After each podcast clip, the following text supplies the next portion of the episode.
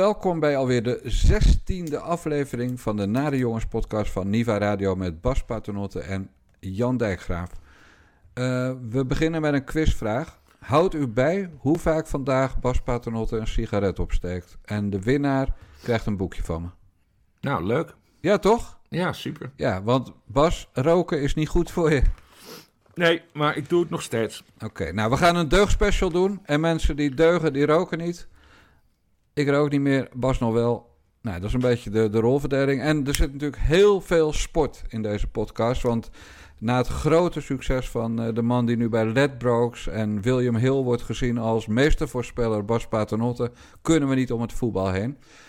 en we beginnen uiteraard met Christian Eriksen. Vlak voor de rust ging het mis. De Deense voetballer Christian Eriksen zakt plotseling in elkaar als hij een bal wil aannemen. Snel rent de medische hulp het veld op om te helpen. De voetballer wordt op het veld gereanimeerd. De spelers gaan om de plek heen staan zodat hij een beetje wordt afgeschermd. Veel toeschouwers op de tribunes zijn behoorlijk geschrokken van de nare situatie. Eriksen wordt naar het ziekenhuis gebracht. Het is dan nog onduidelijk hoe het met hem gaat. Het publiek op de tribune, fans van Denemarken en Finland steunen de voetballer en roepen zijn naam.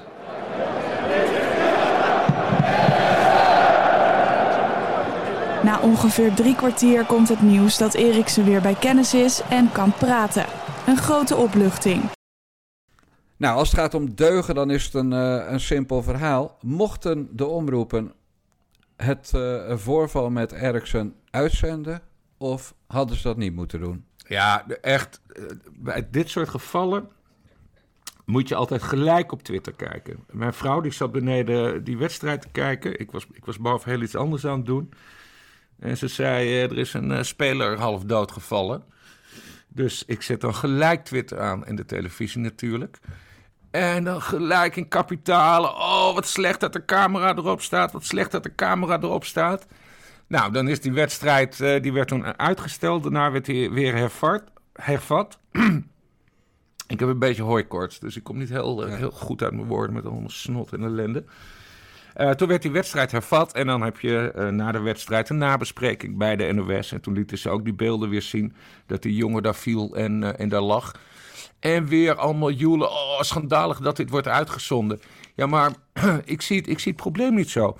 Um, er is een wedstrijd en een speler gaat om, dat is nieuwswaardig. Nou ja, je hoeft misschien dat niet helemaal vol vol zijn gezicht te gaan, gaan filmen. Maar je, kan, je moet dat gewoon laten zien. Want het is onderdeel van de wedstrijd. Net zoals bij de Formule 1 als er één over de kop gaat. Gewoon laten zien. Ja, de vraag is natuurlijk wat je laat zien. Je, je, ja, je, je nuanceerde jezelf alweer met uh, of je zijn gezicht moet laten zien.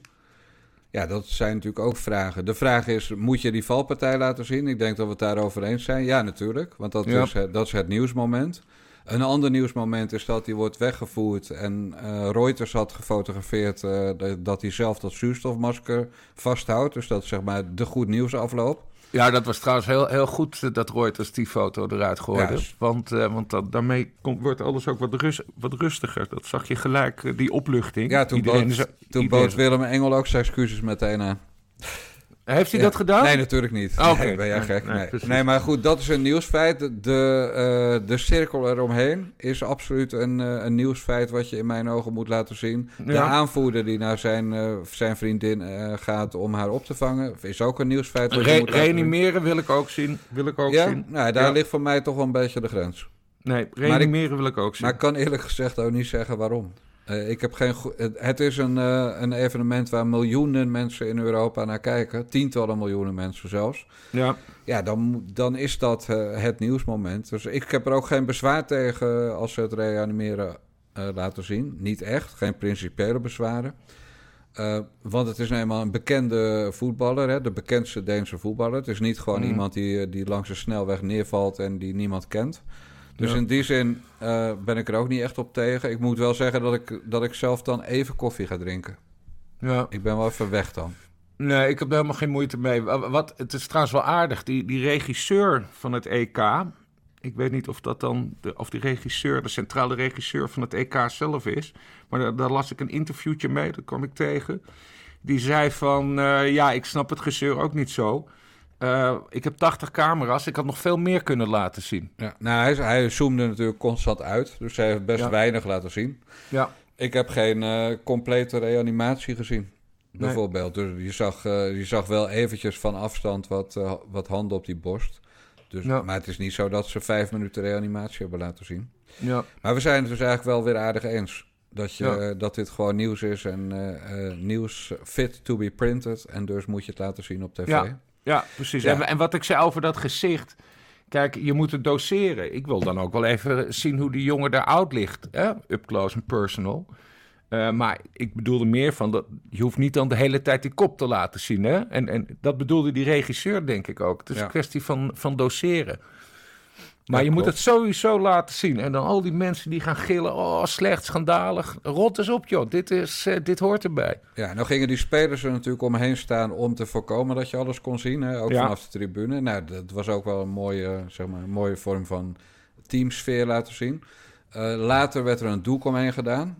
Eh, wat vind, je, vind je dat dan eigenlijk te ver gaan? Vind je, vind je dat die spelers maar op moeten rotten en, uh, en dat doen? Nee, nee, nee, nee. Maar dat, is, dat, dat, dat, hoort allemaal bij de verslaglegging. Ja, gewoon laten zien wat en er dat gebeurt. Is de, ja, en dat is ook de dynamiek van die spelers. Nou, vind ik super interessant dat ze dus omheen, uh, eromheen gingen staan. Ik begrijp ook dat die, dat die captain een helder rol had door de te zorgen dat uh, die Christian Eriksen zijn tong niet inslikte en uh, begon zelf te, te reanimeren. Uh, allemaal, allemaal laten zien. En dat er daarna een doek omheen gaat, ja prima, dat hoort er ook bij. Dat Ja. is, ik ga niet zeggen van, wel verdorie jongens, jullie moeten die doek weghalen, ik zie niks. Nee, als nou de reanimatie mislukt was, vind je nog altijd eh, alles laten zien? Ja. Dus ook het moment dat ze stoppen met reanimeren? Ja, want je weet niet, want je weet niet, eh, eh, je weet van tevoren niet wat er gebeurt. Dus als hij het niet had overleefd, ja, hadden we dat ook moeten laten zien. Ja, nee, kijk, wat ze bij andere sporten vaak doen, motorsport bijvoorbeeld, Mhm. eh, maar ook bij Formule 1, daar gaan ze wel degelijk weg. En op het moment dat een, dat een coureur wordt afgevoerd, dan zeggen ze altijd dat hij in het ziekenhuis is overleden. Ja. Wat lang niet altijd waar is. Vaak Nee. is hij dan toch al overleden op, eh, eh, op een circuit. Ja. Dus, de, dus het is niet zo dat dat een sport is waar ze ook alles laten zien. Hè? Nee, maar wel, wel veel, is mijn ervaring. Ja, maar er wordt wel vaak gelogen. En dat doen ze ook om, eh, om racers te kunnen laten doorgaan. Iets ander, Ja. anders dan teamsport natuurlijk. Ja. Ja, hey, maar nou was een, een mooie bijvangst ervan dat Willem Engel... dat hij zichzelf vreselijk voor schut zette... door meteen de link te leggen met Eriksen is gevaccineerd... Ja. Dus eh, kreeg hij eh, eh, hierdoor een hartstilstand. En dit is het bewijs dat we. Nou, en dan komt weer die hele riedel van hem. En later bleek dat er twee versies circuleerden op internet van zijn club. De club Mhm. van Eriksen. En de ene versie was hij is inderdaad gevaccineerd. En de andere, de officiële, is hij is niet gevaccineerd. Mhm. Ja, en Engel eh, en zijn, eh, zijn aanhangers, die hij nog altijd heeft, die hebben natuurlijk de ene eruit gepikt en normale mensen de ander. Namelijk dat hij Maar waren dat twee officiële pe- perscommunicaties? Nee, nee, het ene, ene was, eh, er was een, een, een tweet uit een, van een radio-uitzending... waarin de clubarts van Milaan dat gezegd zou hebben... dat Ja. alle spelers gevaccineerd zijn. En later kwam er eentje eh, die dan officieel was, na het incident. Die zei, eh, er was een de bestuurder van, eh, van de club... en die zei, nou, hij is helemaal niet gevaccineerd. Wat de wappies dan altijd doen, is natuurlijk zeggen... ja, dat zegt hij nu omdat hij... een hartstilstand heeft gehad en het wordt afgedekt. Dus het past natuurlijk weer in hun complottheorie. Ja. Maar ja, Engel is nu denk ik toch ook bij een aantal van zijn eigen wappies aan het kwijtraken als hij zo doorgaat. Wat vind je van die Engel? Doodzwijgen ja, nee, zeker, hè? eh, het is een hele, hele enge man. Ik had het, eh, ik had het toevallig... Wacht even, ik moet even mijn water wegzetten. Nee, ik had, eh, ik had het toevallig met Engel aan de stok maandag op Twitter. Want hij dacht, eh, hij dacht dat ik mijn neefje was. dus, eh, dus hij begon ergens over te babbelen tegen mij. En, eh, en Hugo de Jonge, hè, de allemaal in CC op dat Twitter. Dus ik van, eh, ik antwoordde, rot eens op, eh, engnek. En, eh, en, en hij helemaal geschokt van, oh, dat is helemaal niet netjes om te zeggen. Dat is helemaal niet goed voor je imago. En later, eh, later had hij door dat, eh, dat hij niet met Jan Paternot aan het communiceren was, maar met de, De Paternot. ja. ja. Maar hij is, nee, hij is gewoon helemaal gestoord. Ik volg hem ook niet. Ik negeer hem. En het, zijn, het, het zijn wappies. En Hij verspreidt nepnieuws. En hij, hij ruikt mensen op. En uh, nee, hele, hele nare, nare vent. Ik snap ook niet dat justitie niet harder tegen hem optreedt. Waarom dan? Ja, al die, hij is een opruimer. We hebben ook al die demonstraties eerder dit jaar en eind vorig jaar gehad. daar zit hij achter. Hij, is, hij verspreidt nepnieuws en maakt mensen bang. Nee, het is een hele enge vent. Maar ik heb nog niet zoveel straf... Ja, opruimen, dat zou een strafbaar feit zijn. Maar verder heb ik ze nog niet gehoord. Mensen bang maken, demonstraties organiseren, nepnieuws verspreiden. Ja. Je, wil, je wilt gewoon niet dat alle politici uh, de bak indraaien omdat ze nepnieuws verspreiden. Ja, maar hij is geen politicus. Het is een... Uh, het is een dansleraar. Een dansleraar. ja, gingen die dansscholen nou maar weer open, hè? Dat hij gewoon weer ging werken voor zijn geld. Ja, hij heeft genoeg geld. Zijn vader is... Ja, weet ik. Zijn vader is de grootste schof van Rotterdam geweest. Ja, de, de huisjesmelker. huisjesmelker. Ja. ja. En daarna geloof ik nog met een stel arbeidsmigranten die die heeft uh, Dat, is trouwens, dat, vind ik wel, dat, is, dat vind ik trouwens wel interessant aan het fenomeen Willem Engel. Want hij heeft natuurlijk overeenkomsten met zijn vader, die dus uh, huisjesmelker is in, in Rotterdam. En die is heel vaak door de overheid aangepakt. En logisch. Maar daardoor zijn die vader en zoon heel erg gekant tegen de overheid. Dat is de, de psychische, psychologische achtergrond. Ook van, van die Willem, uh, Willem Engel. Uh, ze willen de macht uh, bestrijden vanuit een soort privé, hoe noem je dat? Grudge, noem je dat? Een, ja. ja, nou ja, dat, vind, dat, ja. dat, verklaart in ieder geval waarom hij zo fel is. Ja. En, en de advocaat die die altijd inschakelt is dan zo fel omdat hij ooit veroordeeld is wegens grootschalige kookhandel en het bedreigen met de dood van iemand. Ja, zijn, zijn, zijn eigen advocaat. Ja, ja, ja, ja. ja. Het is een hele gekke, hele gekke toestand. Raar stel. Ja. ja, raar stil. En weet je wat ik het ergst aan hem vind? Dat, dat smerige, genieperige, gluiperige lachje van die gozer. Ja. Dat, want daar pakt hij nog mensen mee in ook, domme mensen. Ja, en de hele tijd over liefde hebben. Hè? Ja. En, uh, en uh, knuffelen. En, uh, en nee, het is een manipulator. Het is een beetje een secte, ja. ja, dat is het. Ja, het is een beetje de Jim Jones van Europa. Hè? Ja, als, en een vies haar. Dat ergert mij ook mateloos. Hetzelfde haar als, als, als, als, sommige voetballers dreadlocks. Waar we het zo meteen over gaan hebben. Ja. Hey, ja. Thierry Baudet die gaat natuurlijk Baudelland beginnen. Als Engeland nou Engeland met dubbel L gaat beginnen en ze pakken hetzelfde eiland, dan zou dit land een stuk mooier worden, Bas. Het zou mooi zijn als ze allemaal naar een eiland zouden vertrekken. Ja, hetzelfde eiland ook, hè? Ja, ja, precies. ze moeten niet te veel ruimte innemen. Nee, nee. Nou, er zijn heel veel wat eilanden nog. Uh, als je wat... nee, nee, nee, niet in Nederland. Ben jij gek? Oh, je wil zelfs helemaal naar het buitenland? Nou ja, volgens mij is, uh, kunnen virussen niet zo heel goed uh, tegen zon. Dus ze hoeven ja. voor mij niet naar Siberië, want daar is het te koud. Maar gewoon een zonnig eiland in de stille Zuidzee. Of, of, Gewoon, of gewoon ergens in Zuid-Afrika. Ja, waar Napoleon ja. eindigde. Ja. Niet, was dat... Nee, El, Elba. Elba. Ja. Wel Elba? Ja, toch? Nee, het waren twee eilanden waar die is. Wacht. Dit, dit gaan we gewoon even uitzoeken. Dat ga je natuurlijk weer meteen uitzoeken. Ja, even historisch hoekje gaan we niet doen. oh god, daar ben ik zo slecht in. ja, Napoleon Bonaparte. Ja, nee, hij ging eerst naar Elba en uiteindelijk stierf hij op Sint Helena. Oh ja, nou fijn. Nou, dan, dan doen we dat met, uh, met Engel en Baudet oh, en aanhang ook. Eerst naar Elba en dan de rest van hun leven, uh, en er hoeft verder niemand bij te helpen bij het einde, naar Sint Helena. Ja, dat, is dat, heel ver weg. Dat lijkt mij beter dan Amsterdam en Rotterdam. Ja, wel lekker weer. Ja, perfect. Nee, maar waarom niet? We, we misgunnen ze geen mooi leven. Als we er maar geen last meer van hebben. En dat moeten eilanden zijn. En wat dat betreft, Elba ben ik geweest. Internet mhm. op Elba is een ruk als je een beetje buiten uh, de hoofdstad zit. Dus Elba is goed, maar dan ver van de hoofdstad af, zodat ze geen internet hebben. Nee. Zijn we daar ook vanaf. Nee, ze kunnen een intranet beginnen, hè? dan kunnen ze allemaal met elkaar. Uh... Ja.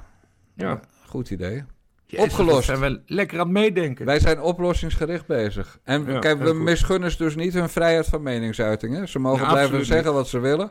Alleen wij horen het niet meer. Nee, precies. Hey, dan gaan we naar een volgende kwestie. We hadden het al over dreadlocks. En dat gaat over een jonge voetballer die deel uitmaakt van het Nederlands elftal. Ik ben best wel uh, een rustig persoon, dus ik ben niet echt uh, iemand die oh, staat te praten elke keer. En trainer zegt het ook veel dat ik dat veel meer moet doen. Al sinds als vanaf toen ik tien was of zo, toen ik bij ADO speelde, toen, toen was het al, ja, je, kan, je moet meer gaan praten, je moet meer uit je, uit je schulp komen. Dus um, ik ben er wel mee bezig. Uh, ik probeer meer te, meer te praten, meer aanwezig te zijn. Uh, maar dat is zeker nog een punt wat ik kan verbeteren. Ja, dat was geweldig. Ik had die, ik had een, dit gaat over Nathan Ake. Ik had nog nooit van hem gehoord. hij, uh, hij bleek wel in 2017 uh, was hij al opgenomen in de selectie. Nou, daar heb ik helemaal geen herinnering aan. en, nee, maar hij kwam het veld op. En ik denk, nou, dat is net, dat is net Gullit. Een, een jongere versie van Ruud Gullit.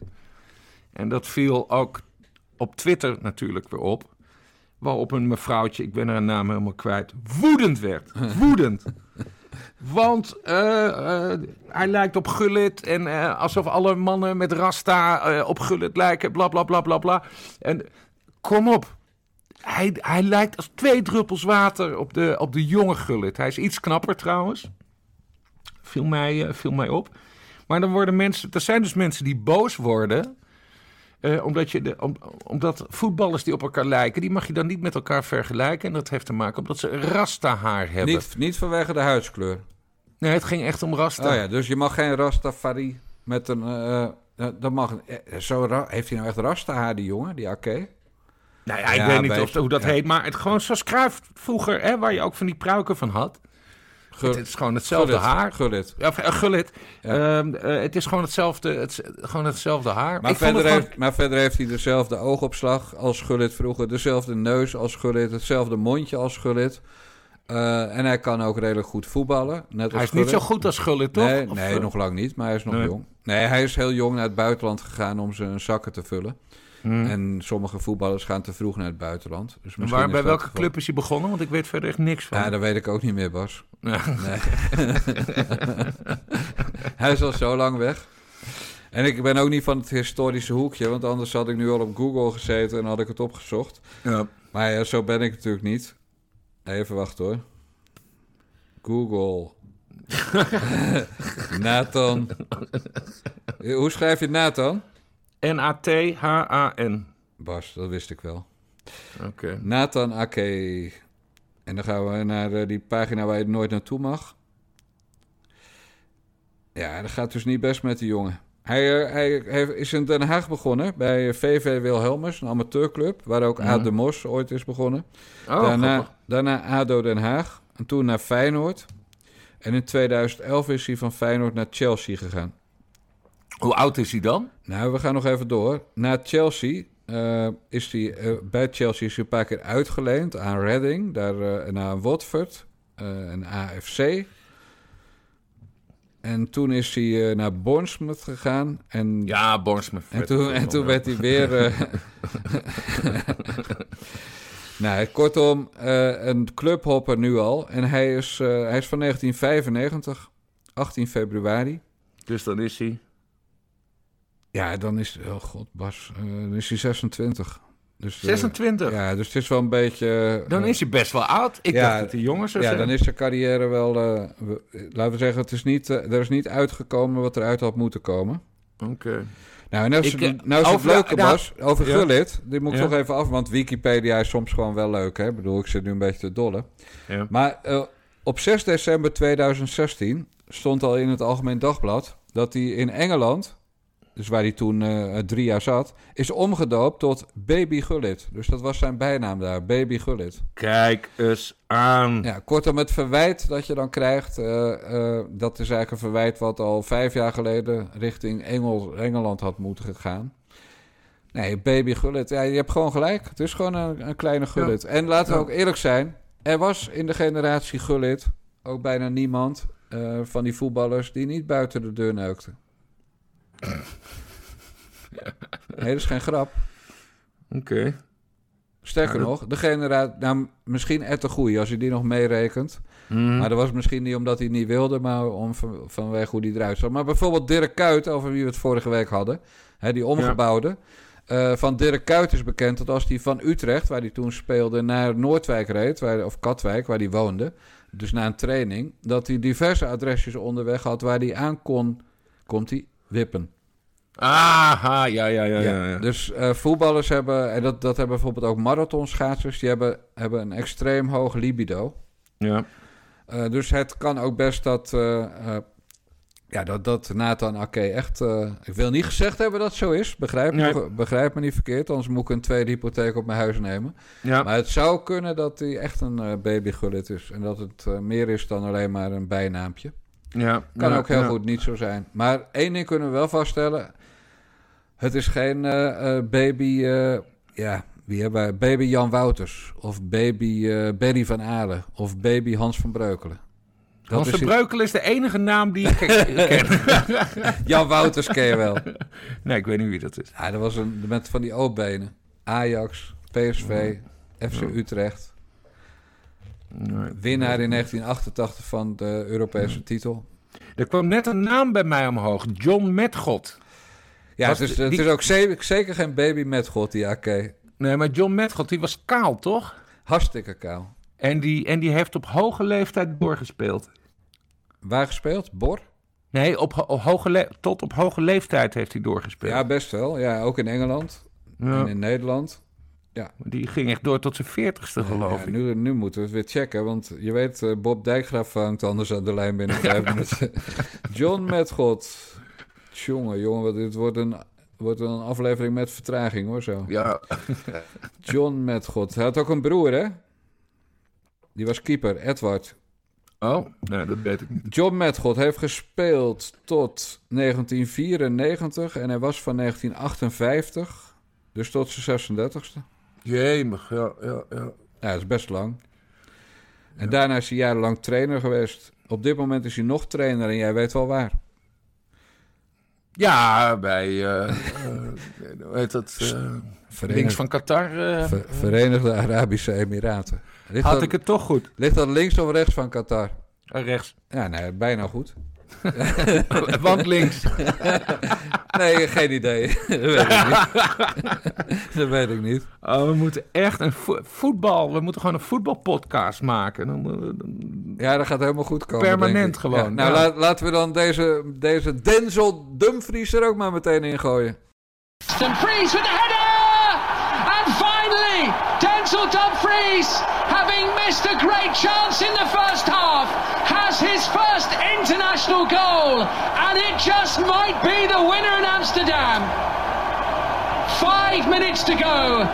And the Dutch lead is restored. Het, uh, het, was vorige week zo dat ik jou weer een lesje ging lezen over voetbal. En ik voorspelde dat Nederland met 1-2 ging verliezen van Oekraïne. Ja. En jij zei heel parmantig: nee, nee, nee, ze winnen met 3-2. En uh, Denzel Dumfries scoort de winnende. Ik weet niet of je dat laatste zei, maar. Nee, voor... de, de... nee stil, stil, niet, oh. niet kapot maken. We doen het gewoon over. Ja, maar jij bij de hand zei 3-2 en de winnende komt van Denzel Dumfries. Al weet ik bij god niet wie dat is, Dijkgraaf. Dat zei je vorige week. En wie scoort de winnende? De 3-2 tegen Oekraïne. Denzel Dumfries. En nu hangen natuurlijk de Ledbrokes en de William Hills. Die hangen aan de lijn bij jou. Van ja, Bas, het, jouw voorspellingen. Het is een soort uh, vingerspitsengevoel. ja. Nee, maar ik heb, ik heb gewoon altijd al gevoel voor voetbal gehad. En ik volg zo'n EK. Hey, normale wedstrijden kijk ik niet, maar EK en WK vind ik wel leuk. En je moet gewoon een beetje opletten en kijken hoe die jongens lopen. En dan na dan. Ja, nee. Ja. Denzel Dumfries had nog nooit in het Nederlands elftal een doelpunt gescoord. En nu de belangrijkste. Want hierdoor uh, ja, kunnen ze vrij zorgeloos door die voorronde lopen. Hoewel, even afwachten wat jij natuurlijk voorspelt voor Nederland-Oostenrijk. Nou, ik wil het eerst nog even over Dumfries ah, hebben. Nou, ja, oké. Okay. Jawel. Dus geen babygullet trouwens. Nee, maar hij loopt dus op de flank van achteren naar voren. Dus hij zit, hij doet alles aan de rechterkant. Dus hij, hij moet verdedigen, in het midden staan. En daarvoor was hij ook de hele tijd moves op het doel aan het maken. Dat klopt toch? Of heb ik dat verkeerd gezien? Ja, dat klopt wel ongeveer. Ja, maar, maar, dat is dus dat nieuwe systeem van uh, ja, de boer. Dat heet in Engeland wing, wingback. Uh, ja. Dus dat is iemand die eigenlijk uh, tussen verdediging en middenveld staat, links of rechts. Mm. En dan ook aanvallend speelt, er overheen komt. Weet ja. je wie dat heel goed kon vroeger in 1988? Berry van Aalen, die kon dat heel goed. Oké. Okay. Die, waar jij nog nooit van gehoord had. Nee, nee. Hij, dat... deed mij, hij deed mij denken aan dat kleine mannetje. Uh, Jan Heijnsen? Nee, die kon heel hard rennen. Hij is later ook ergens trainer geworden. Maar een heel klein mannetje. Bij welke club?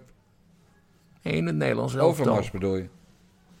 Ja, Mark ja, Overmars. Ja, die, die nu directeur bij Ajax, commercieel directeur bij Ajax is. Ja, maar die hele korte pootjes, maar hele tijd, die kon enorm versnellen. En daar moest ik aan denken toen ik die Dumfries zag. Maar je moet wel uithoudingsvermogen hebben. Want die gozer, die, die, die was continu heen en weer aan het gaan. Ja. ja, ze houden ook bij bij voetbal hoeveel meter iemand maakt. Ik, ik, ik heb het niet gezien. Maar er mhm. zijn altijd statistieken. Ja, deze, deze gast heeft veel meters gemaakt. Ja, ongelooflijk. Ongelooflijk. En dan scoort hij nog met zijn hoofd ook. En dan kan ik jou vertellen, het was eigenlijk...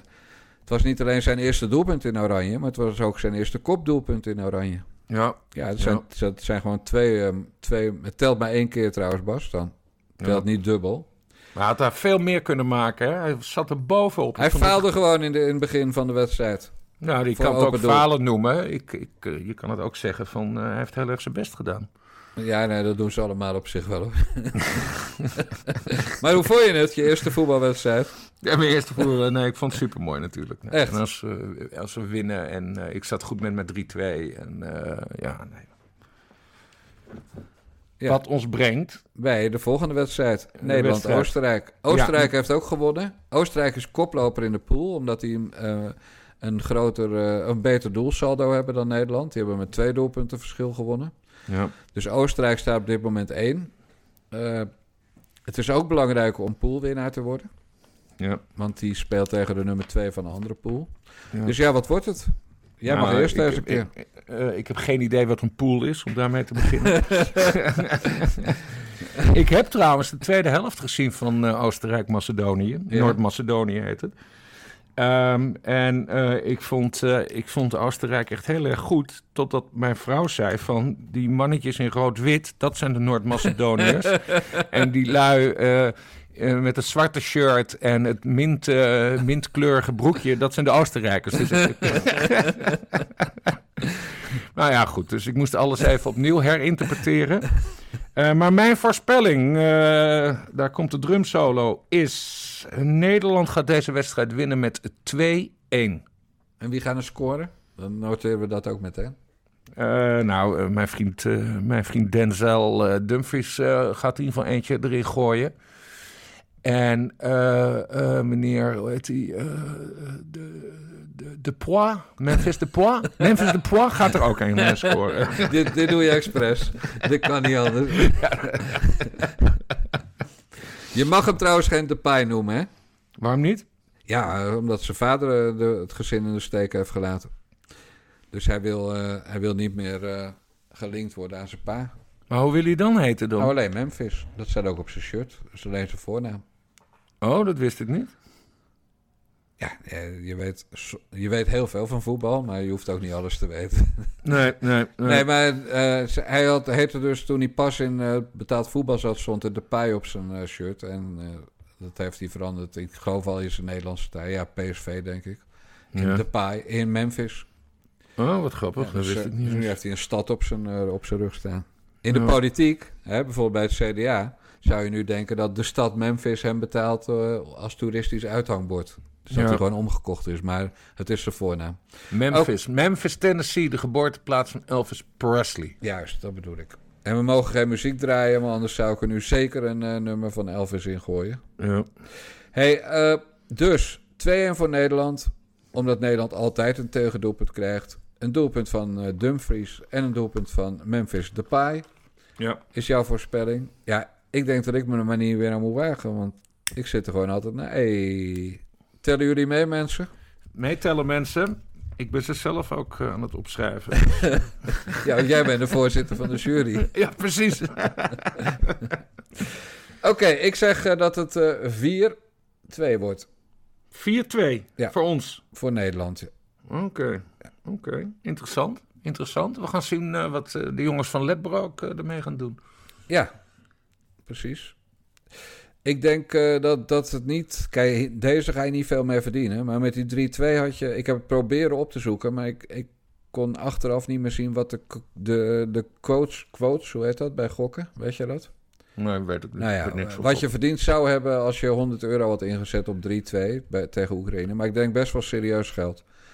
Dus ja, dus, ja 2-1 is dan minder. Maar mijn 4-2 zou wel weer goed geld opleveren. Al zal ik er wel weer compleet naast zitten, Bas. Want ik weet nu helemaal veel minder van voetbal dan jij. Ja. Het is niet nou ja, en ik kan de Oostenrijkers en de Noord-Macedoniërs niet uit elkaar houden. Dus, nee. Uh. nee, dat heb ik ook hoor. Ik, uh, ik, ik heb nog wel een tip. Uh, als je op tv kijkt, dan zie je linksboven zie je dan wat cijfers en landen staan, hè, de namen van de landen. Ja. En boven die landen zie je een kleurtje. Of naast die landen, bij, geloof ik bij het EK. Maar dan zie je een kleurtje. En dat is de kleur van het shirt waarin ze spelen. Oh, dat is een handige tip, Jan Dijkgraaf. Ja, dus als Nederland tegen Oostenrijk in oranje speelt... dan zie je bij Nederland zie je een oranje balkje staan... daarboven in je scherm. En dan weet jij wat het Nederlands elftal is. Ja, heel, oh, dat is een hele slimme tip. Moet ik in de gaten houden als ik ook naar andere wedstrijden ga kijken. Ja, nee, graag gedaan. Ja. En dat ze wisselen met rust was je bekend, hè? Dat hoef ik niet meer ja, nee, dat, dat verhaal ken ik. Want dan gaan ze van de ene kant naar de andere, van links naar rechts en daarna van rechts naar links. Ja, waarom doen ze dat? Geen idee. Ja.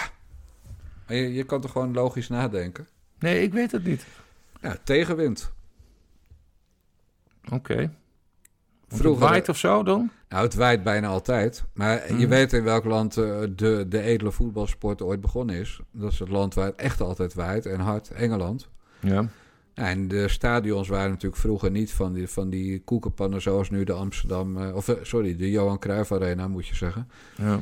Uh, dus die waar een dak op zit. Dus het, ja. het waaide gewoon keihard over het veld heen. Ja, en als je dan zeg maar richting het westen of het zuidwesten moest spelen... dan had je de hele wedstrijd tegenwind. Dus daarom werd er halverwege geruild van kant. Ah razend interessant feitje, dit. Ja, en sommige velden in Engeland liggen bijvoorbeeld ook scheef. Dus een heel klein, omdat het natuurlijk veel meer heuvelachtig is dan Nederland. Ja. Dus dan zou je ook de ene keer naar beneden spelen en de andere keer omhoog. Uh, of zou je de hele wedstrijd naar beneden spelen en de andere de hele wedstrijd omhoog. Dus ja. ook dat uh, was een reden, voor zover ik weet.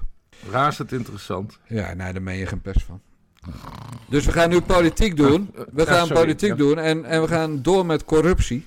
Uh, dus ja, dan kan er maar één man aan het woord komen. Onze Richard de Mos. Er is op 1 oktober binnengevallen met uh, zware argumenten. Uh, schending van het ambtsgeheim, corruptie en omkoping, dat is nogal wat. Uh, ik had helemaal geen dossiers, dus ik, ik, wist helemaal niet waar het over ging. Ik heb daar op bijna een jaar moeten wachten. Ik kon mezelf dus ook helemaal niet verdedigen. Zit daar dan ook de grootste pijn? Doet dat nou, het ja, als je, als je natuurlijk ziet dat binnen 24 uur... en dan zijn nu sommige politici boos dat ik nu wat zeg. Ze hebben, geven trouwens toe dat ze niet eens het boek hebben gelezen. Ik zal eerst de volgorde doen, lees het boek, oordeel dan.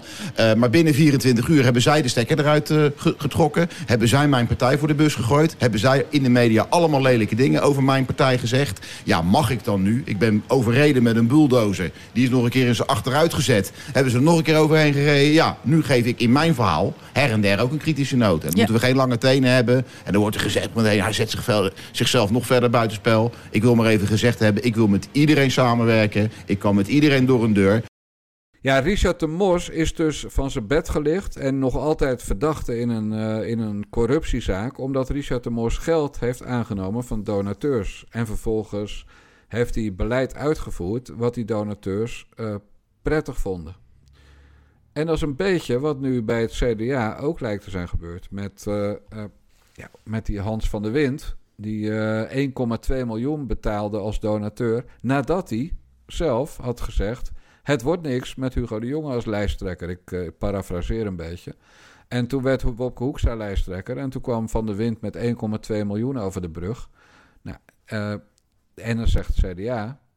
Ja, maar dat is geen uh, beïnvloeding. Dat is geen omkoping. Daar staat niks tegenover. Nou, er is maar één echte politiek duider in Nederland. Althans, op de grachten in Utrecht. Vertel. Nou, nou ik heb... Vertel. Uh, die Van der Wind die zit toch ook in een commissie of zo van het CDA? Ja, die is voorzitter van de commissie Fondsenwerving. Ja. En hij stopt zelf 1,2 miljoen in de tent. Ja.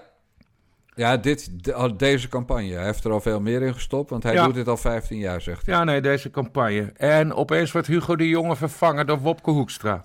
Ja, als voorzitter van die commissie stuurde hij een mailtje naar... Uh, uh, nou, Rutger Plaum, de voorzitter, toenmalige voorzitter, ja. Ploem, de toenmalige voorzitter, en uh, Raymond Knops, de campagneleider. Ja. Met uh, heren, heren, als we zo doorgaan, dan komt er nog geen vijf ton binnen. Ja. Want de grote donoren die, die zijn uiterst verbolgen en niet van plan om geld te storten. En de club van 100 is ook opeens ge, geminimaliseerd tot een clubje van 50. Dus nou, u weet hoe, hoe ik erover denk, schreef hij ook nog. Maar dat ga ik niet in deze mail zetten. Nou, achteraf gezien maar slim, want anders had Pieter Omzicht uh, dat ook kunnen publiceren. Maar alles wijst erop, als je logisch nadenkt, dat hij bedoelde... Uh, in Hugo de Jonge willen de geldschieters geen euro stoppen. En toen bleek hij achteraf, toen Hugo de Jonge vervangen was... bleek hij eh, de grootste geldschieter ooit te zijn, zelf. Want hij had al een keer een record gevestigd met 173.000 euro. Ja. Die, die aan, maar dit is natuurlijk ja, belachelijk veel meer. Dit is gewoon vijf keer zoveel. Ja, nee, het is ziek natuurlijk dat hij... Hij is dus hoofdfondsenwerver en hij is uh, de grootste donateur. Ja, dat loopt natuurlijk allemaal dwars door elkaar heen. En dan kunnen we het over Siewert hebben. Die heeft dan zichzelf uh, verrijkt. Uh, maar uh, dit is gewoon een kwestie van: ik zet de partij naar mijn hand. Uh, nee, dit gaat een staartje krijgen. Er komt ook een congres, hè? Dat gaat superleuk worden. Waarom wordt dat leuk? nou, omdat deze kwestie dan ook aan de orde komt. Maar congressen buigen toch altijd? Nee, congressen kopen geen straaljager. Ja, dat was Vredeling.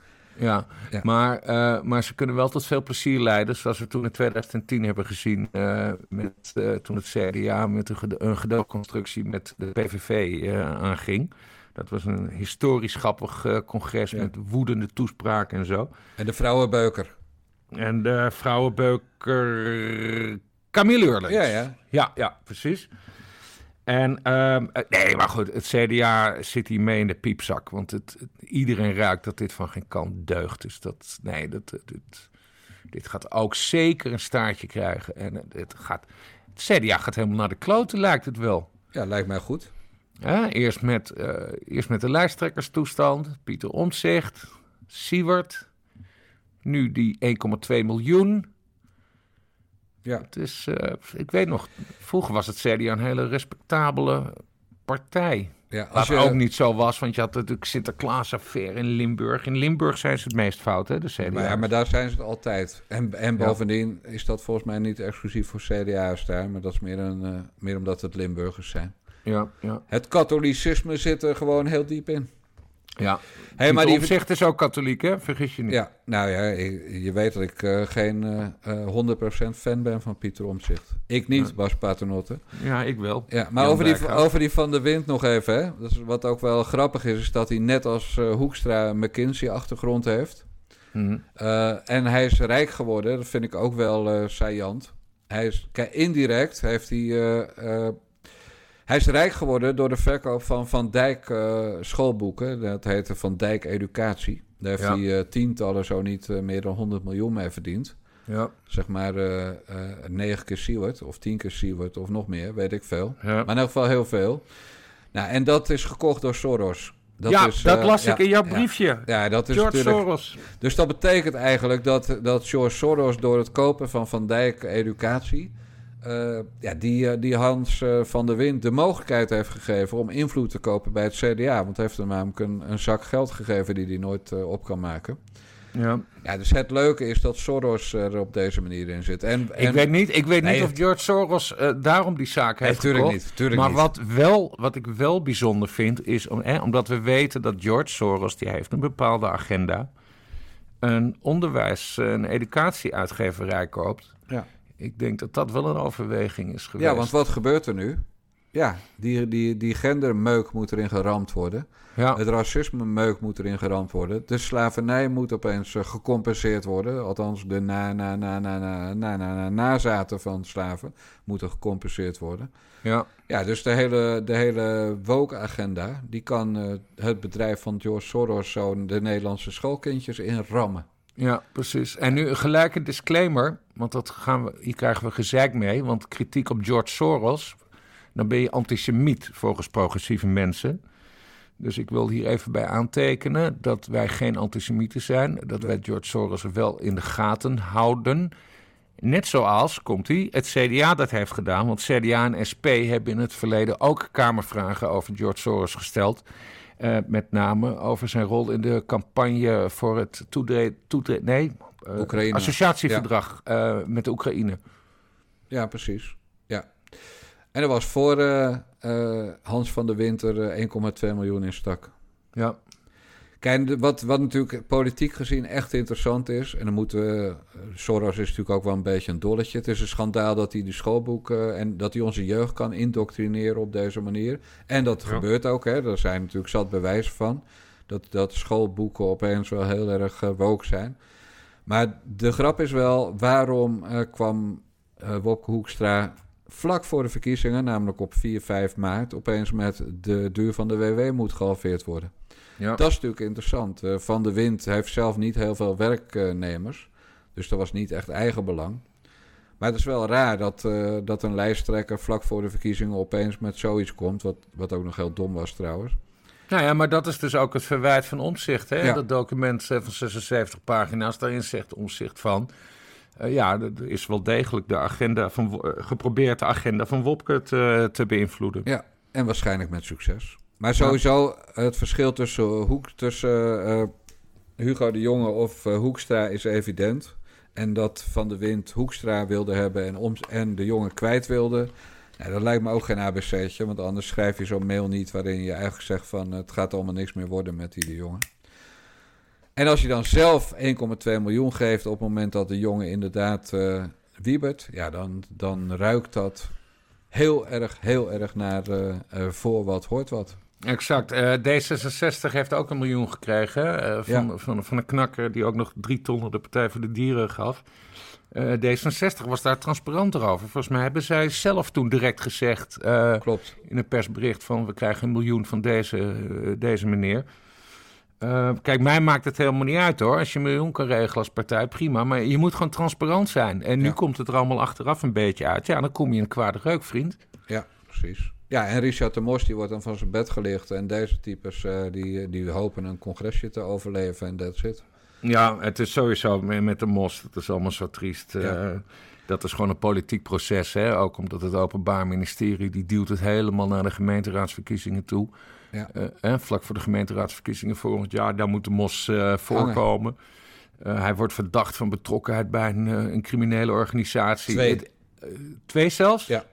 Ongelooflijk. Jij zou dat boek van Richard de Mos, Mijn Verhaal, geschreven door Richard de Mos, te koop bij Bol, maar ook bij hetboekvandemos.nl, dat zou jij gewoon moeten kopen, Bas. Nou, volgens mij heb ik het hier liggen. Maar ja, dat had je moeten lezen. Ja, ik heb zo'n stapel boek. Wie heeft dat uitgegeven? Weet jij dat? Welke, uitge een, welke uitgever zit erachter? Een, een kleine kale knakker uit Eerstega. En die, en die afkorting zegt ook niets. Ja. Hoewel, linkse, ja, ja. hoewel linkse mensen daar ongetwijfeld anders over denken. Ja, de kleine kale kapelmeester, KKK. Ja, dat was het, ja. Kapelmeester, ja. ja. Hey, maar Richard de Mos, uh, uh, wat ook nog wel trouwens een uh, eentje bij het CDA was... die nu bekend werd, dus die na de datum dat het al transparant had moeten zijn... werd, werd betaald. Dat was, er was een fonds waarbij de familie Wessels een rol speelde. En de familie Wessels is een van de hoofdsponsors van de VVD...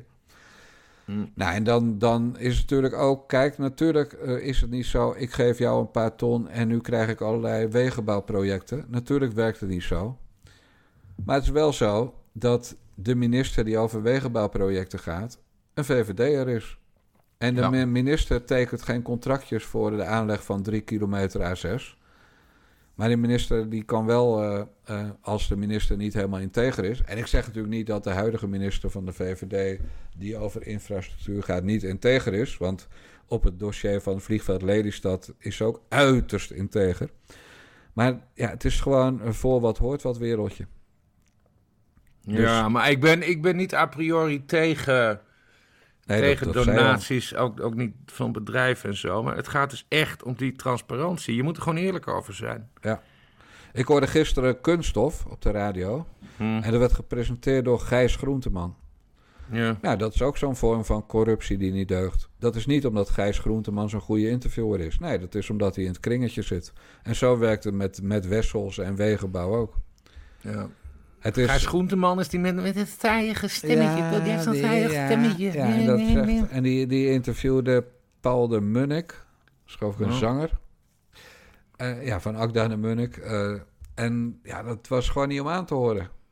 Oh. Dus doe dat niet. Uh, kijk, Gijs Groenteman is getrouwd met uh, Aafbrand Korstius, toch? Ja, dat klopt. En Aafbrand Korstius is de broer van die, die huilenbalk. Hè? Die doen zeg maar, uh, aan een piemel had liggen zuigen en zei dat hij niet kon bijten. Uh, oh nee, dat zeg ik niet goed. ik, zeg, ik, zeg, ik, zeg dit niet goed. Die, die oh, altijd die ranzigheid die jij erin brengt. die gedwongen werd tot, tot seks door Gijs van Dam, naar eigen zeggen. En Gijs van Dam was een tv-producent die vervolgens door al die linkse deugmedia helemaal kapot werd gemaakt... omdat Jelle Brand Kostius 100 jaar Nadat hij niet in die piemel had gebeten, hè, wat mij toch een goede reflex lijkt als je niet wil dat hij in je mond gestopt wordt. Ja, maar hij was gedrogeerd, dat was het verhaal. Met drank, ja. dan kan je niet bijten. Nee, maar ze kunnen wel borrelnootjes eten naast het bier. Maar oh, we moeten het niet te veel op de details ingaan. Ik weet ook niet of hij borrelnootjes heeft gegeten. Weet ik veel. Maar ik, ik snap echt niet, maar dat zal er wel mijn boersigheid zijn. Maar ik snap niet dat je als kerel een leuter van een andere vent in je mond hebt en dat je dan verkracht wordt. Kijk, ik snap dat natuurlijk wel als een pistool op je hoofd wordt gezet en je bent vastgebonden door, en, en je wordt vastgehouden door vier man. Wat, wat zijn dit voor fantasieën, daar? Nee, zeggen fantasieën, maar ik, ik, ik word woedend over hoe die linkse media altijd het opnemen voor hun vriendjes en andere mensen veroordelen. En over linkse media gesproken, daar komt ze. Vandaag is uh, Geert Wilders schuldig bevonden aan uh, groepsbelediging mm door het uh, Hof in Den Haag. Vanwege de uitspraak in 2014? Vanwege de uitspraak 2014 over minder Marokkanen. Kijk, daar kan je van alles over vinden en zeggen dat het smaaklo smaakloos is. Dat vind ik in elk geval. Hij is overigens wel vrijgesproken van aanzetten van, tot haat. tot haat en discriminatie. Hij gaat in hoger beroep. Um, noemt het corruptie. En daar komt eigenlijk een beetje mijn frustratie. Um, het is ook een beetje corruptie. Um, ik vind dat hele proces één grote aanfluiting omdat het een uh, politiek gemotiveerde vervolging uh, is. Het is eigenlijk een politiek proces. We weten, er zijn duidelijke aanwijzingen dat um, het, ja, de vooringenomenheid, de adviezen uh, van de, de, hoge ambtenaren bij uh, het ministerie van Justitie ja. en de minister van Justitie uh, opstelde destijds zelf, het OM hebben geadviseerd over ja. hoe ze deze man die kwaadaardige uitlatingen doet, moeten aanpakken. Ja. En ja, weet je, in een rechtsstaat die we serieus willen nemen, denk ik, waar gaat dit over? Ik moest er even een bruggetje maken, man. Ja, een heel goed bruggetje vind ik het. Ja, dat dacht ik. Fidan Ekis, die lieve meid, ontslagen door BNN-vader, mag niet meer de vooravond presenteren. Nou, wat vindt Bas Paternotte daarvan? Nou, ik kijk, ik kijk sowieso nauwelijks tv. Lineaire tv vind ik voor verliezers.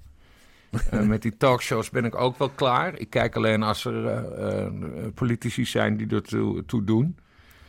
Fidan ken ik natuurlijk heb ik mee geborreld, is hier wel eens thuis geweest. Ik vind het een uh, hele goede, wat ik heb gezien. Ik vind het een hele goede presentatrice. Ik vind het ook super mooi dat ze een beetje opinierend is. Uh, en dat is volgens mij de reden waarom ze weg moet. Die, die, die Jesse Klamer, uh, die vind ik minder, weet ik ook helemaal niks van. maar nee, Fidan is hier eruit gerangeerd. En dat, ik vermoed dat dat te maken heeft met de meningen. Ze heeft ook die Pim Fortuyn-prijs uh, gewonnen. Hè? Onze vriendin Ebru Oemer heeft die ook een keer gewonnen. Uh, nee, dit is, hier zit een omroeppolitiek uh, achter. Helemaal omdat ze nu wordt, wordt vervangen door die advocaat, die oud-partner van Peter R. de Vries. Galit Kassem. Galit Kassem, die echt nul ervaring heeft tv-ervaring. Ook al uh, was hij ook al in de running voor de Wereld Draait Door, meen ik. Nee, voor de, toen de vooravond uh, er nog niet was. Toen was hij ja. inderdaad als opvolger in beeld. Ja. Maar toen, toen, werd hij, toen kwam hij onder vuur te liggen. Omdat hij gelekt zou hebben naar een, een, een jeugdvriendje van hem... die nu zeg maar in de hele, hele zware criminaliteit zit. Ja. Waar, die over, waar de deken overigens geen bewijs voor heeft gevonden. Ik formuleer dat expres zo. Dus ik zeg niet dat hij onschuldig is. Ik zeg ook niet dat hij schuldig is. Maar de deken heeft geen bewijs gevonden. Nee. Dus hij is daarvoor uh, min of meer gerehabiliteerd. Ja. ja. Maar verder is natuurlijk een vriendje van Peter R. de Vries. Ja. Maar weet je wat interessant wordt? Nou? Nou, we hebben natuurlijk, want we, we gooien alles richting voetbal, hè, als het over bruggetjes gaat. Khalid Kazem is ook de, de schrijver van de autobiografie van uh, uh, Abdelhak Nouri, de Ajax. Die een hartaanval kreeg op het veld. Juist, en die ja. inmiddels als kastplantje door het leven gaat. En ja. Khalid Kazem is nu tegen Ajax aan het knokken, omdat uh, dat hij de geld, dat hij een, een, schadevergoeding wil ontvangen voor de familie van Abdelhak Nouri. Ja. En Ajax weigert te, te, geven wat Kazem vraagt, en dus komt er een, een rechtszaak. Ja. Maar het is natuurlijk heel interessant dat, dat een rechtszaak van een voetballer, althans de familie van een voetballer, tegen Ajax, de rijkste club van Nederland, met afstand rijkste club van Nederland, dat is, wordt natuurlijk een nieuwsitem. Ja. En dan kan Galit Kazem als presentator van de vooravond daar geen aandacht aan besteden. Maar het kan natuurlijk ook niet zo zijn dat ze het onderwerp dan behandelen op de dag dat zijn counterpart Sophie Hulbrand er zit. Want die kan Want? niks. Nou, die kan niks. Want die kan niks. Ja. Nee. dus, dus dat, ja, als je het nou hebt over belangenverstrengeling. En ik weet wel dat KCM die gaat stoppen als advocaat, hè, nu hij dit programma gaat doen. Maar Hmm. hij gaat niet stoppen als woordvoerder vooralsnog van de familie. Maar stel Hmm. nou dat hij zegt: ik kan die functies niet verenigen. Eh programmamaker bij BNN Vara en eh, woordvoerder van de familie Nouri. Hmm. Dan kan hij zeggen, nou, maar ik weet wel een hele goede ander die woordvoerder van de familie kan zijn. Want die deed dat bij Nicky Verstappen ook zo goed. En dat is Peter R. de Vries. Ja. Dus dan gaat hij zijn vroegere zakenpartner, Peter R. de Vries... die toevallig stopte zakenpartner te zijn op de dag dat bekend werd... dat Khalid Kazem verdacht werd... eh, of in ieder geval beschuldigd werd van betrokkenheid bij... eh, van het lekken naar zijn, zijn jeugdvriendje in die, eh, in die Ja. zaak. Ja, de dag daarvoor ging Peter... Ja, precies. Nee, zou, Peter die, even- zou die gestopt zijn, ja. ja. Ja, ja, Eh, ja. En dat werd bekendgemaakt op de dag dat. Nou, kortom, eh, ja, dat wordt natuurlijk een zootje. Dat, wordt echt, dat is hetzelfde als Bram Moskowitz als presentator van een actuele, actuele talkshow. Dat kan ook gewoon niet. Die gasten Nee. kan je misdaadprogramma's laten maken. Nou, en verder stond natuurlijk in de Volkskrant, nadat die KSM eh, bekend werd dat hij het geworden was, stond natuurlijk meteen een geweldig verhaal over dat dit, eh, ja, dit, dit moest wel, want hij is zo goed en het is zo'n talent. Eh, was, ge- was gezegd eh, Peter R. de Vries. Ja. Dat was de bron van dat verhaal. Ja, het is misselijkmakend. Maar even terug naar Fidan. Ik vind het het goed recht van BNN-Vara om een presentator te vervangen. Sterker nog, dat zouden ze vaker moeten doen. KRO en CRV bijvoorbeeld met Margriet van der Linden. Die het vreselijke programma Dit is M presenteert. Die kan er niks van. Die stelt nog langere vragen dan mijn monologen in deze podcast. En geloof Mm. me, die zijn heel lang. Maar ik Mm. heb wel eens een vraag van Margriet van der Linden gehoord... die echt twee minuten duurde. En Ja. die je niet zou moeten willen uitschrijven. En waar, waarin ze ook gelijk al het antwoord legde. Zeker, degene die ze interviewde. Ja, dus het jihadbruidje van dienst hoeft alleen maar ja inderdaad te zeggen. Of het eh moslimbroederschap meisje, want dat soort types zitten er. Ja. die moeten dan uitgeflikkerd worden en die blijft. Maar goed, de VARA ontslaat Fidan Ekers. En eh, om te voorkomen dat, eh, dat iedereen eh, met recht kan roepen... dat komt omdat ze een mening heeft, ontslaan ze ook Renze. Hoor je dat? Renze Klamer. Oh, Renze, niet Jesse. Renze Ja, Klamer, ja, ja. ja. Dus die ontslaan ze ook. Nou, dat vind ik echt helemaal prima. Moet de VARA helemaal zelf weten. Het is een ledenorganisatie. Zolang de leden van de VARA dit beleid goedkeuren... ze gaan hun goddelijke gang maar. Maar wat niet kan, is dat, een, dat je dat een dag voor je het persbericht de wereld inslingert... en dus nadat je de deal al hebt gemaakt met de nieuwe presentatoren... de deal al hebt gemaakt met de NPO... eh, van wij gaan eh, de presentatoren van de vooravond vervangen... Kortom, dat je achter de rug van die twee om dit allemaal geregeld hebt... en het dan naar buiten gooit... en het minder dan 24 uur voor het bekend wordt pas tegen ze zegt... dat kan dus niet. En dat is echt Ja, maar echt, hè? onbehoorlijk. Want dat, dat, dat heeft die Klamer eh, heel duidelijk ook op, op Twitter of Facebook Ja. eh, gezegd. Van, eh, ik wist dit gewoon niet. Het Nee. is een donderslag bij, bij heldere hemel. Hoe, zo gaan ze dus bij BN en Vara verschillig met hun, hun eigen mensen om. Dat ja, is dat, toch- maar dat is natuurlijk typisch weer... Dat, dat, dan hebben ze eindelijk, kan je beter zeggen... weer eens een trekje van die ouderwetse VARA... van die PvdA-VARA. Want Mm. zoals bekend is het, het gezegde... de PvdA is goed voor de mensheid, maar slecht voor de mensen. Ja. En dat, dat doet de VARA in dit geval dus ook. En dan, Ja. dan dat laffe... we gaan kijken naar een andere functie... we zijn in overleg over... Ja, daar ga ik helemaal van over mijn nek. En waar Ja. ik bij Fidan dan van over mijn nek ga... want ik ben heel erg pro-Fidan en ik hou van haar en bla bla bla bla... Maar dat waar Renze Klamer in zijn tweet nog iets van kritiek heeft, hè, namelijk inderdaad, we hadden dit wel eerder mogen horen.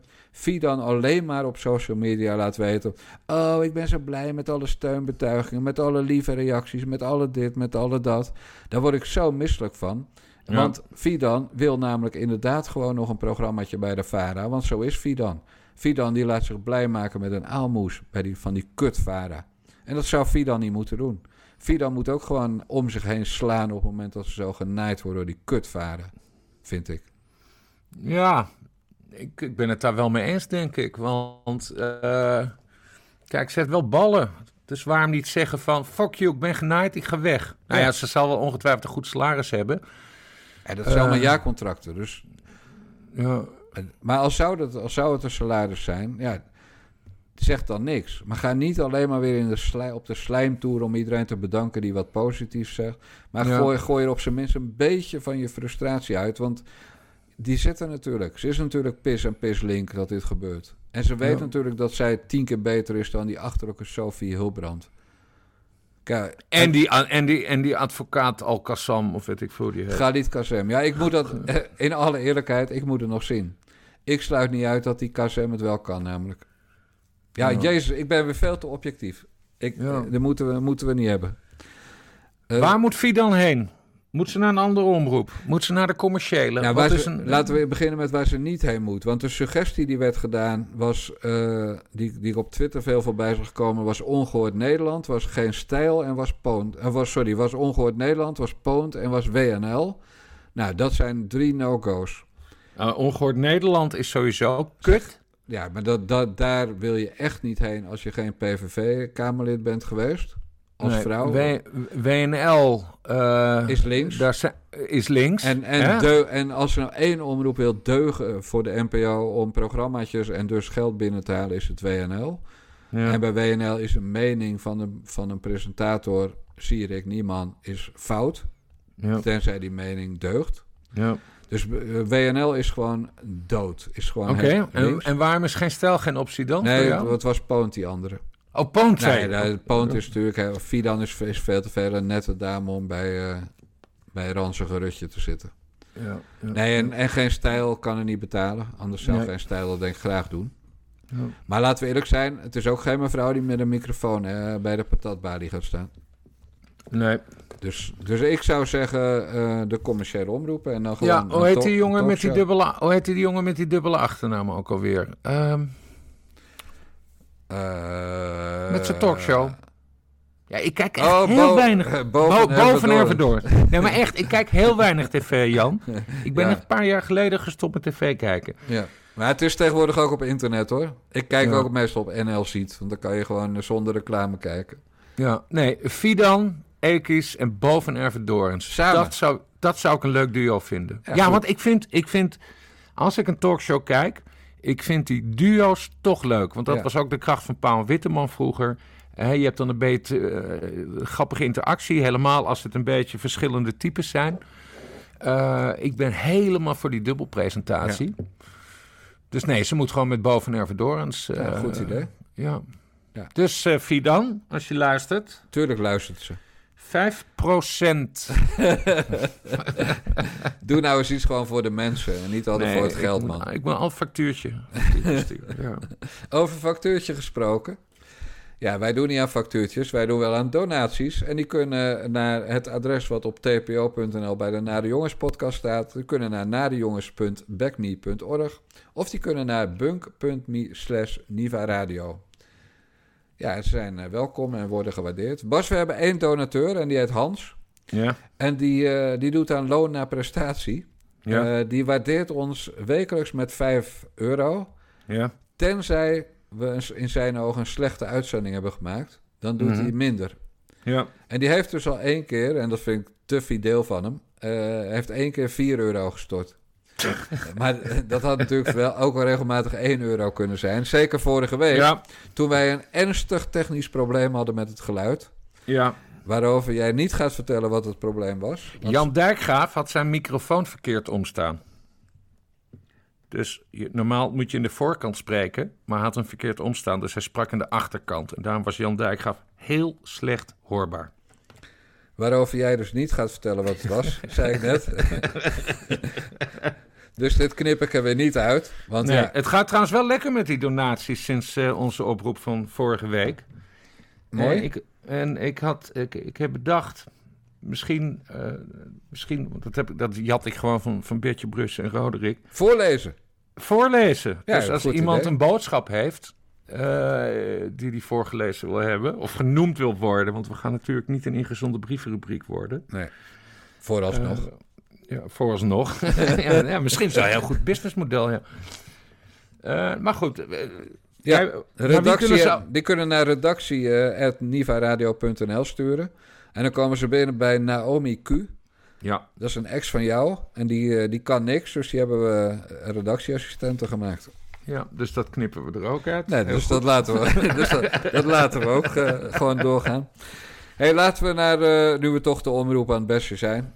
En dat kunnen wij makkelijk doen, want wij eh, willen toch geen banden hebben met de omroep. Jij omdat je liever thuis zit en ik omdat ik al een jaartje bij Poont heb gewerkt. En zoals je weet ook voor de VARA heb gewerkt. Dat wist Wat je heb je bij de VARA gedaan dan? Nou, er was een WK voetbal waar ik een, bij het programma De Heer staat op. Op radio, eh, ja, ik denk twee, maar het kan ook drie geweest zijn. Maar in elk geval één van die publieke omroepen. Daar had ik elke ochtend tijdens het WK voetbal, het was 2014, Ja. had ik een rubriek waarin ik in het hoofd van Louis van Gaal, de toenmalige bondscoach, keek. En ik ging dus vertellen wat Louis van Gaal dacht en ging doen.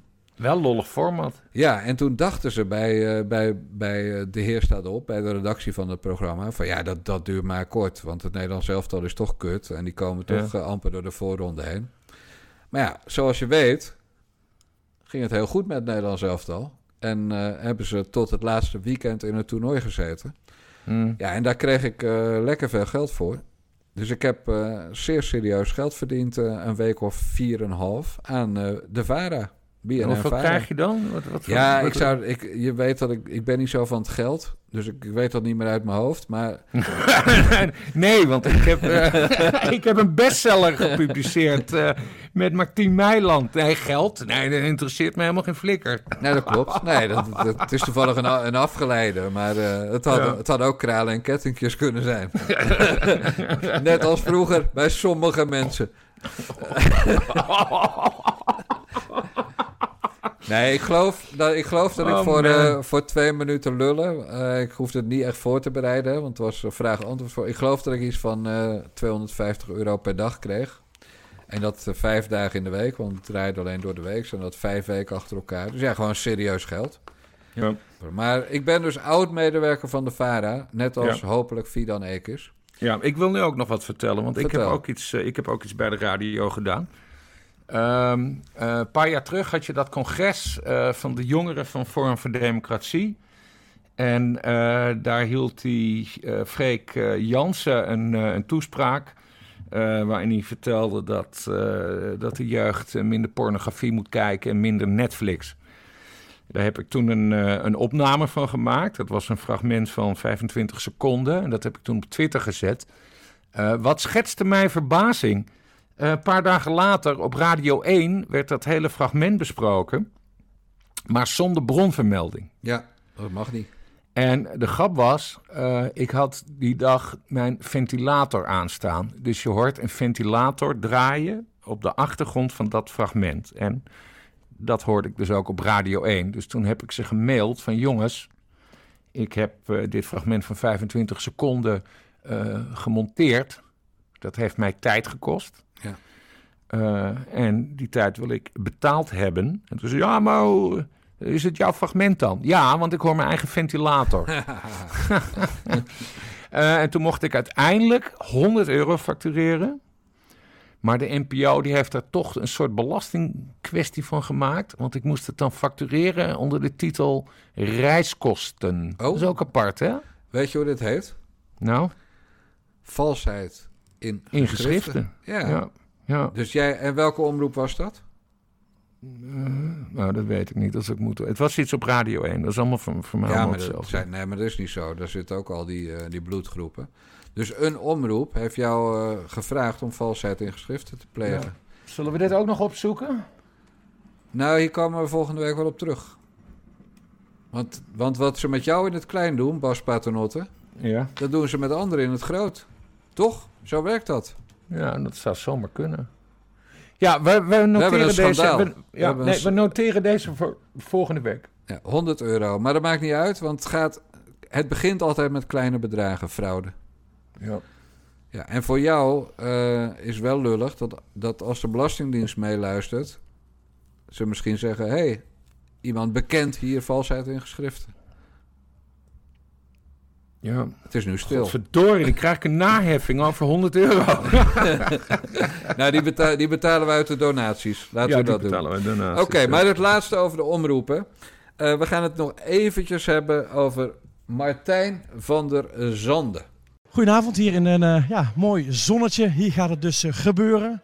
De finale van het Songfestival. 26 landen staan erin, waaronder dus Nederland, Whalen. Je hebt het misschien wel meegekregen. Afgelopen donderdagavond was ontzettend spannend. Die halve finale van de 18 landen mochten er 10 door. Nou, Nederland zat daar dus bij. Maar het spannende was natuurlijk vooral dat Nederland Whalen als aller, allerlaatste werd genoemd. Dus het leek er even op, ja, misschien gaat Whalen het niet halen. Maar hij heeft het toch gedaan en hij staat in die finale.